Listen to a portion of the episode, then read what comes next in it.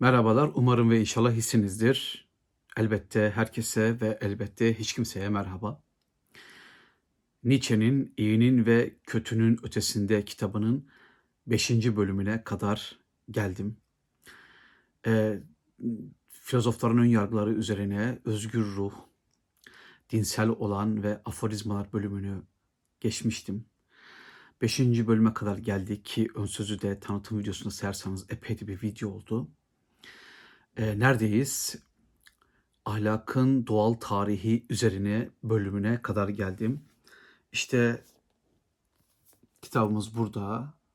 Tekrar ediyorum. Ben Say yayınlarından Ahmet İnam'ın çevirisini takip ediyorum. Ee, ahlakın doğal tarihi üzerine bölümü hakkında ilk söyleyeceğim şey aslında bu bölüm yani ahlakın doğal tarihi bölümü bunun önceki bölümlerle bağlantılı sayılabilir. Aforizmalar bölümünü katmıyorum. Bağlantılı sayıldığı gibi aslında e, çok yeni şeyler söyleyen bir bölüm de değil. Ama üzerinde durulması gereken birkaç özel yer gördüm.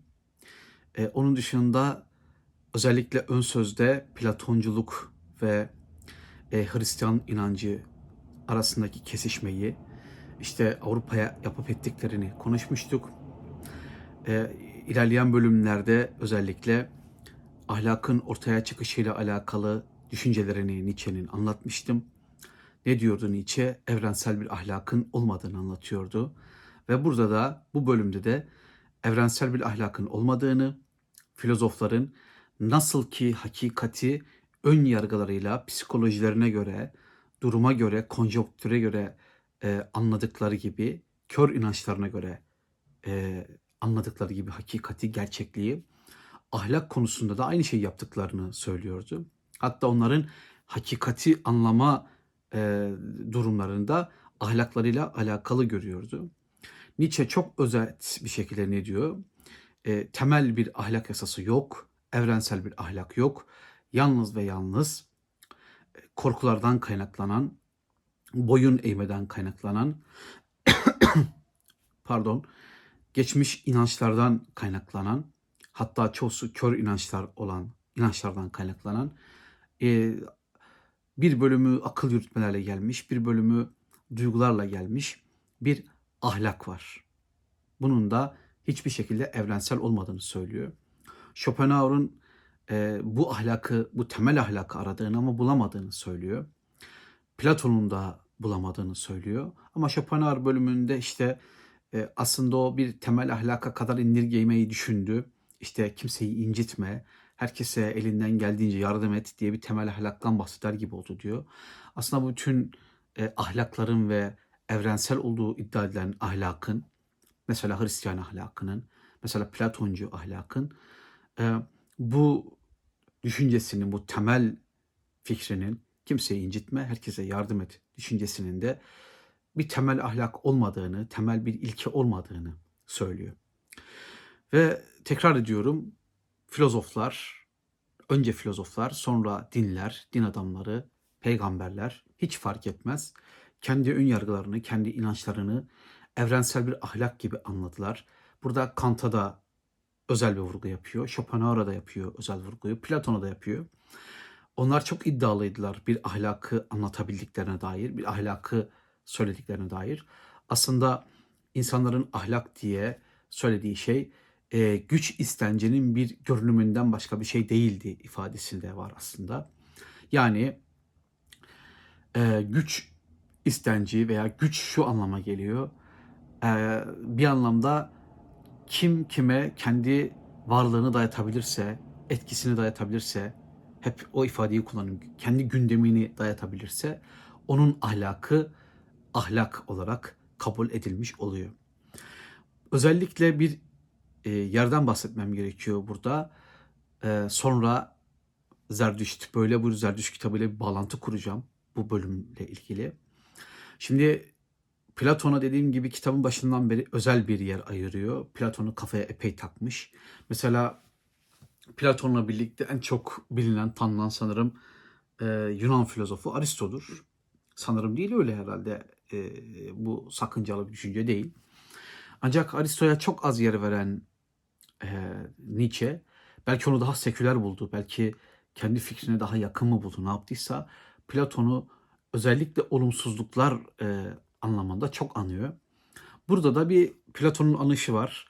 E, Sokrates'in zaten Nietzsche, e, Sokrates'in ve onun fikirlerinin biraz işte o kendi içine dönen, kendini bil, e, ben hiçbir şey bilmiyorum, tek bildiğim, bilmediğim gibi ifadelerinin felsefeye ve gündelik hayata, e, felsefeye, düşünceye, akla büyük bir gerçekliğin bulunmasına, hakikatin araştırılmasına büyük bir darbe vurduğunu söylüyordu. Ama burada mesela bakıyorsunuz Sokrates'ten daha ziyade Platon'a söylüyor bunu. Ee, ona göre e, Platon ki Sokrates'in herhangi bir kitabı yok. Biz Sokrates, Sokrates'in varlığını Platon'un kitaplarından biliyoruz. Platon'un canı istediği gibi Sokrates yarattığını söylüyor ve kendi düşüncelerini, farklı fikirlerini onun üzerinden maskelediğini anlatıyor. Ki burada hiç haksız değil. Yani Platon'un e, kendi fikirlerini Sokrates üzerinden, Sokrates adlı bir kahraman üzerinden anlattığı bir vaka olarak karşımızda. Ve Platon'la ilgili üzerinde durmamız gereken, bilmemiz gereken bir şey söylüyor. Platon tüm bilgisiyle, tüm aklıyla, tüm duygularıyla, tüm inancıyla, bakın akıl, iman, bilgi her şeyi katarak söylüyoruz. Hepsiyle birlikte bir ahlakın peşine düştü. Bir ahlak yaratmaya çalıştı. Tanrı'nın peşinden gitti. Tanrı'yı ya yöneldi, iyiye yöneldi. Hem Tanrı hem iyi yani iyi bir Tanrı ve bunun ahlakından bahsediliyor. Bu felsefe için, e, hakikati arama hamlesi için, hakikati arama etkinliği için çok zararlı bir hareketti diyor. Bunu çok zararlı buluyor. Ve bir başka damarda Hristiyanlıkta vardı. Hristiyanlıkta yine özellikle iman üzerinden, inanç üzerinden bir ahlak e, oluşturdu. Ve bu iki ahlak, biri biraz daha üstünlerin ahlakı diyeceğimiz Platonculukla bu avamın, halkın, sürünün ahlakı olan Hristiyanlık birleşip bütün e, Avrupa'yı kasıp kavurdu. Bundan önceki bölümlerde bahsetmiştim. Daha ön sözde ne diyordu? Ee, Hristiyanlık halkın içindeki Platonculuktur. Platonculukta avam olmayanların veya avam görünmek istemeyenlerin Hristiyanlığıdır gibi bir ifade kullanabiliyoruz. Şimdi Nietzsche bunları söylüyor. Bunları anlatıyor. Güzel. Ee, Platon'un imanıyla, aklıyla, Hristiyanlığın imanla ortaya koyduğu ahlak e, ilkesinin yarattığı bir e, durumu anlatıyor. Bir e, vakayı anlatıyor. O da bir sürü. İnsanın olduğu her yerde sürü vardır diyor. Ama bu Hristiyan sürüsü, bu Platoncu sürü, e, bu Platoncu ve Hristiyan sürü boyun eğmeyi öğrendi. Boyun eğmeyi çok iyi bildi ve bu boyun eğen sürü şunu söyledi bir anlamda. Aslında tüm sürülerde sadece Hristiyanlık özelinde değil e, bir ahlakın güdümündeki tüm sürülerde şöyle bir durum ortaya çıktı. Saygı duyduğumun önünde, korktuğumun önünde eğilirim. Onun önünde boyun bükerim, boyun eğerim ve sen de böyle yap. Şimdi bu ahlakın bu e, tüm dinlerde ve özellikle Platonculuk üzerine anlattığı Platoncu ahlakta gördüğümüz şey iki aşamalı. Birincisi boyun eğiyor. İkincisi başkalarının da boyun eğmesini istiyor. Zorla veya güzellikle. Ve sürü oluşuyor. Yüzyılların, bin yılların sürüsü oluşuyor. Tabii bir yerde bir Yahudiliğe falan vurgu yapıyor. Onların e, bir yerde kendi kurtardığını söylüyor ama orayı çok açık anlatmamış. Nietzsche'nin problemlerinden biri bu. E, bir e, zeka parıltısı oluyor, bir bilgi e, kırıntısı oluyor bir yerlerde. Onun peşine düşmüyor, oradan ayrılıyor, başka bir yere geçiyor. Aslında bazen lafı da yarım bırakıyor. E, o sanırım onun e, yazma tarzının getirdiği çok ciddi bir handikap. Bunu inkar edemeyiz. Böyle bir problemimiz var. Şimdi Zerdüşt'le ne alakası var meselenin? İşte Platoncu ahlak, iyi Tanrı'ya yönelme, Hristiyan ahlakı, iman ve Tanrı'nın hoşnutluğunu kazanma, suçlardan arınma, suçluluktan arınma ahlakı. Ee, bunlar birleşiyor. Bunların ortak bir özelliği özellikle Hristiyanlıkta daha vurgulu olmak üzere korku. Korkuyu da atlamayalım. Şimdi Zerdüşt'le ne alakası var? Böyle bu Zerdüşt kitabıyla bunun ne ilgisi var? Bu sürünün, sürü bölümünün ne ilgisi var? Aslında biz İyinin ve kötünün ötesinde kitabı bir daha göstereyim. İyinin ve kötünün ötesinde kitabı dan önce yazılmış olan ve Nietzsche'nin ana düşüncelerinin hemen hepsini içeren böyle buyurdu Zerdüşt metninde. Şu an elimde Say yayınlarının Murat Batbankaya çevirisi var. Ben bende 6-7 tane çevirisi var. Bir ara onun videosunu yapmıştım. E, hangi çeviriler okunabilir diye. İsteyenler kanaldan bir şekilde bulabilirler. E, bu kitapta birinci ciltte, birinci kitabında, Zerdüşt'ün birinci kitabında Zerdüşt'ün konuşmaları diye bir bölüm var. Zerdüşt'ün konuşmaları ve Zerdüşt'ün konuşmalarında üç dönüşüm hakkında diye bir bölüm var. İşte burada. Üç dönüşüm hakkında diye bir bölüm var. Görünüyor sanırım. Sanırım görünüyordur. Ve aslında sürüyü ve sürüden kurtulmak isteyenleri ve üst insanı, seçkin insanı, Nietzsche'nin devamlı vurgu yaptığı, iyinin ve kötünün ötesinde kitabında devamlı vurgu yaptığı, Zerdüşt'te de vurgularına devam ettiği bu çok güzel e, kapaklı kitap. Gerçekten beğeniyorum bu kapağı. Çok renkli, çok eğlenceli. E, bahsettiği sürü, üst insan, e, sürüden, hayvandan kurtulup üst insan olmaya çalışan insan. Yani aslında insanı üç kategoride düşünüyor. Bir hayvanlar yani sürü yani buradaki anlamıyla e, Platoncu düşüncenin bu soyutlama düşüncesinin ve Hristiyanlığın e, yönettiği, Hristiyanlığın zehirlediği hayvanlar bu ifade ona ait. E, onun üstünde buradan kurtulup üst insan olmaya çalışan insanlar ve bunun üstünde üst insan. Hatta Zerdüşt'ün bir yerinde insan hayvanla üst insan arasına gerilmiş bir iptir diyordu. İşte burada da üç dönüşüm hakkında yazısında aslında bu sürü meselesi gündeme geliyor. Şimdi üç dönüşüm hakkında bölümü ne anlatıyor? Çok basit. Tabii ki oradan okumayacağım. Çok kısa söyleyeceğim. İnsanın üç aşaması vardır diyor. Bir deve aşaması vardır. iki aslan aşaması vardır.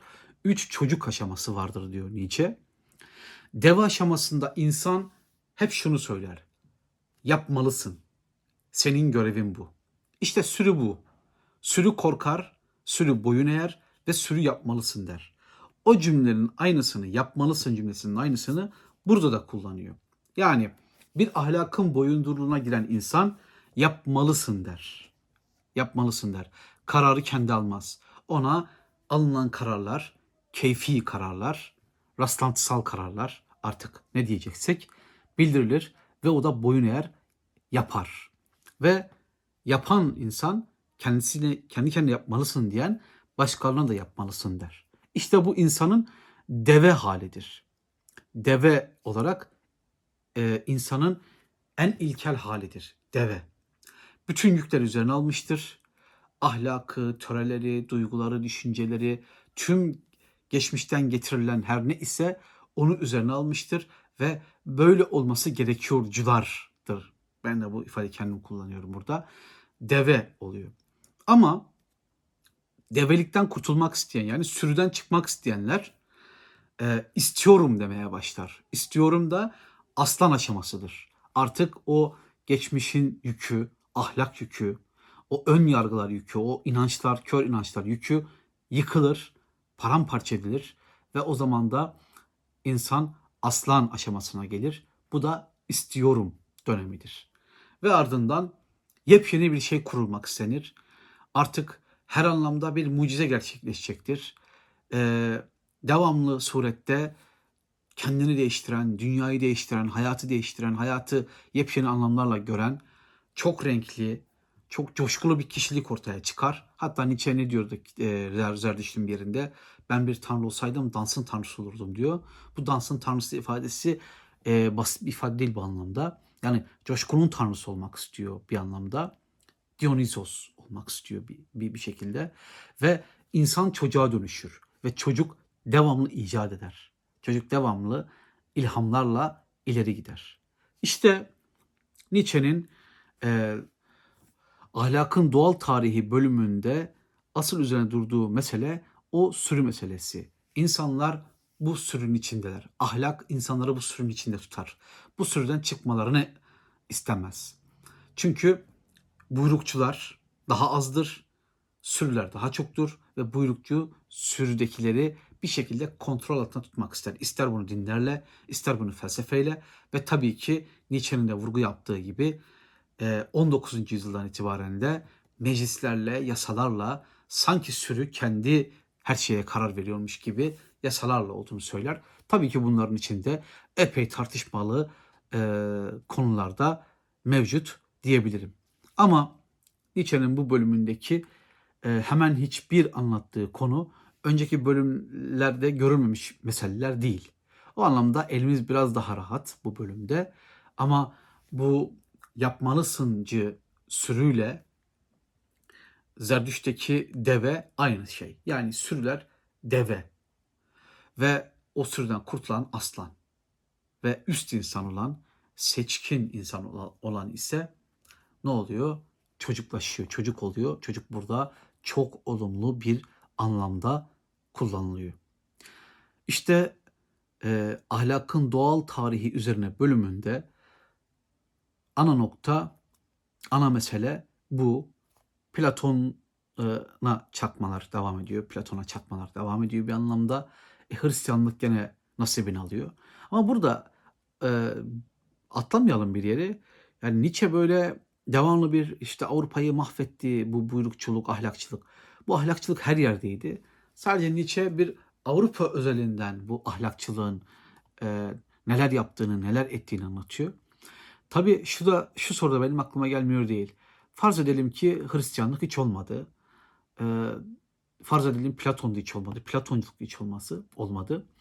E, dünyanın Avrupa'nın Nietzsche'nin e, söylediği özelde biz de söyleyelim. Avrupa'nın e, çok daha özgürlükçü, çok daha sürüden ayrık, çok daha üst insan yaratmış, seçkin insan yaratmış e, bir topluluk olacağından emin miyiz? Bunlar da bambaşka e, problemler. Evet Nietzsche Hristiyanlığa takıntılı öyle görünüyor. Ancak tabii ki Nietzsche'nin yaptığı eleştiriler çok yerinde, çok doğru eleştiriler. Yani eleştirilmesi gereken yerden eleştiriyor. Ama bu vurguların sonunda peki bu olmasaydı nasıl olacaktı sorusuna mesela 3. bölümde dinsel olan bölümünde ya dinler kullanılmalı gibi ifade kullan, kullanıyordu. Dinler avamı, sürüyü kontrol etmek için kullanılmalı diyordu aynı Nietzsche. E bu durumda eğer bir durum tespiti yapıyorsa bunu anlıyorum. Ancak neden böyle oldu diye soruyorsa Nietzsche'nin de bize son tahlil önerisi yani üst insanlar, seçkinler, aristokratlar, güçlüler yani çocuklar şeyi develeri e, gütmeli diyor.